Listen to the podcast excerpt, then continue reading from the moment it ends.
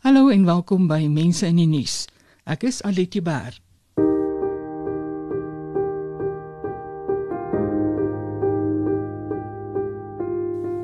'n Statige begrafnisdiens, gestroop van oordaat, is op Prins Philip van Brittanje se afskeid die afgelope Saterdag beskryf word. Desondanks was dit steeds 'n afskeid waarin simboliek 'n diep rol gespeel het, vertel Arlene Prinsloo van Netwerk 24.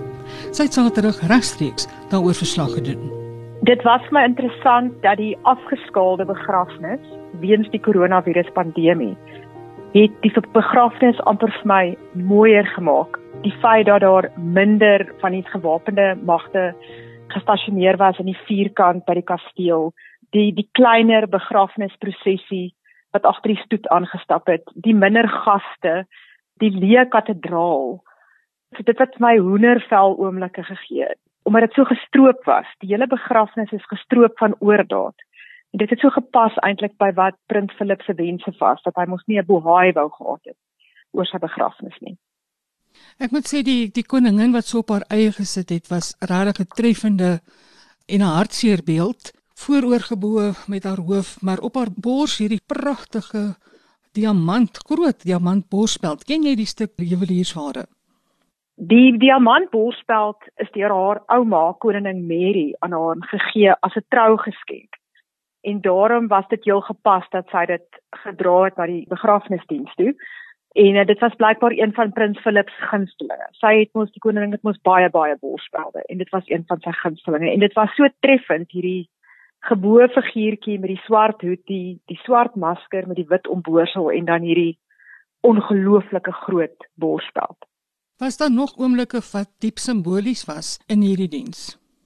Die aflees van al sy titels deur die die prinsipaal van die heraldiek van al die ordes en goed. Toe hy dit afgelees het, was vir my bitterlik hartseer gewees as mens dink, jy weet dit is dis al die eretitels wat aan hom toegekend is deur die jare.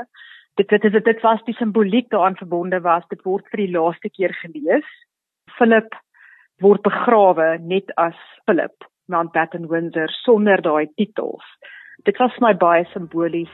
Van die musiek was natuurlik ongelooflik simbolies. Die koninklikes is mos baie lief vir daai daai lied um I vow to thee my country. Dit is op daai Anna se begrafnis gespeel en ook op die koningmoeder se en dit het daar nou gister daar opklink deur daai militêre orkeste. Ek wou omtrent net huil.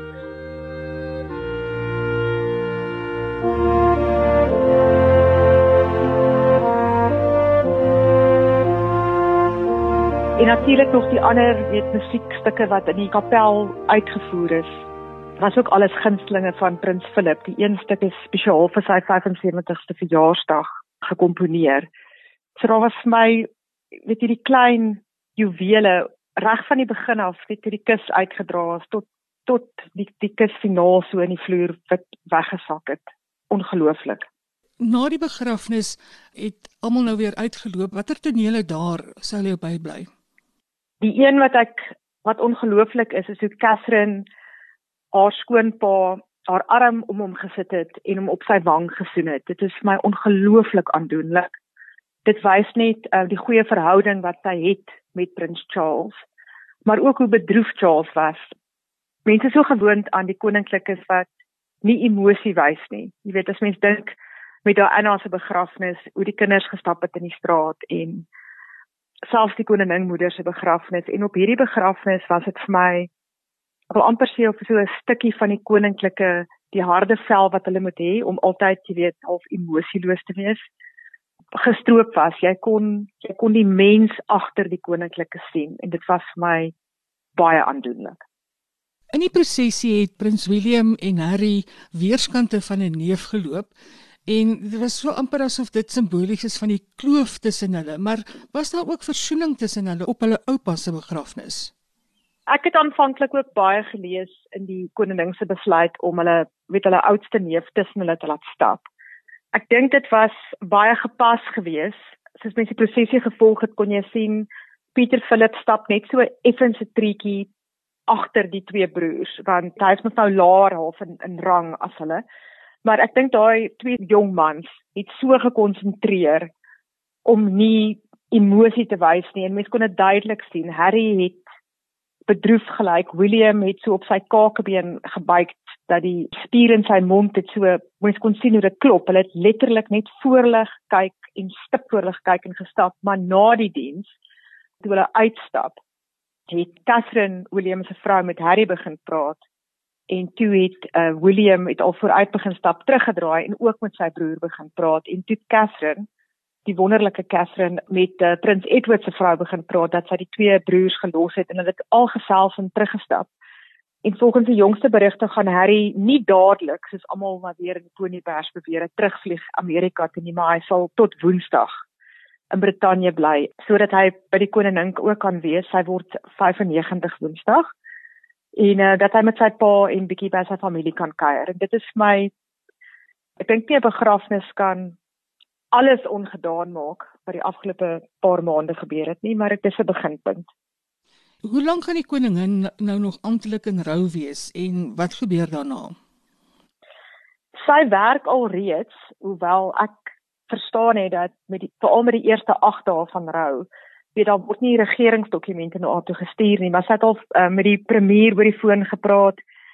Sy het al 'n paar audiensies gehad met personeellede. Sy is nog tot Woensdag toe is sy amptelik in rou, maar daarna is dit dit is vir nog 'n maand. Maar sy gaan al in Mei uh, na die parlementsopening behartig. Ek dink die mense gaan al baie vinnig nou sommer net op 'n gewone afspraak dalk sien nie. Maar sy werk al weer reeds. En die res van die koninklike gesin sal selfs al volgende week weer begin, jy weet met hulle Zoom, hulle Zoom ontmoetings of wat hulle in persoon uitgaan na plekke toe die lewe gaan aan en dit was ook Philip se wens is dat die lewe gaan aan selfs na sy dood. Die stem van Aline Prinsloo, 'n webredakteur by Netwerk 24. Dankie vir die saamluister na mense in die nuus. Kontak my gerus per e-pos by alet.jubber@24.com. Groete tot 'n volgende keer.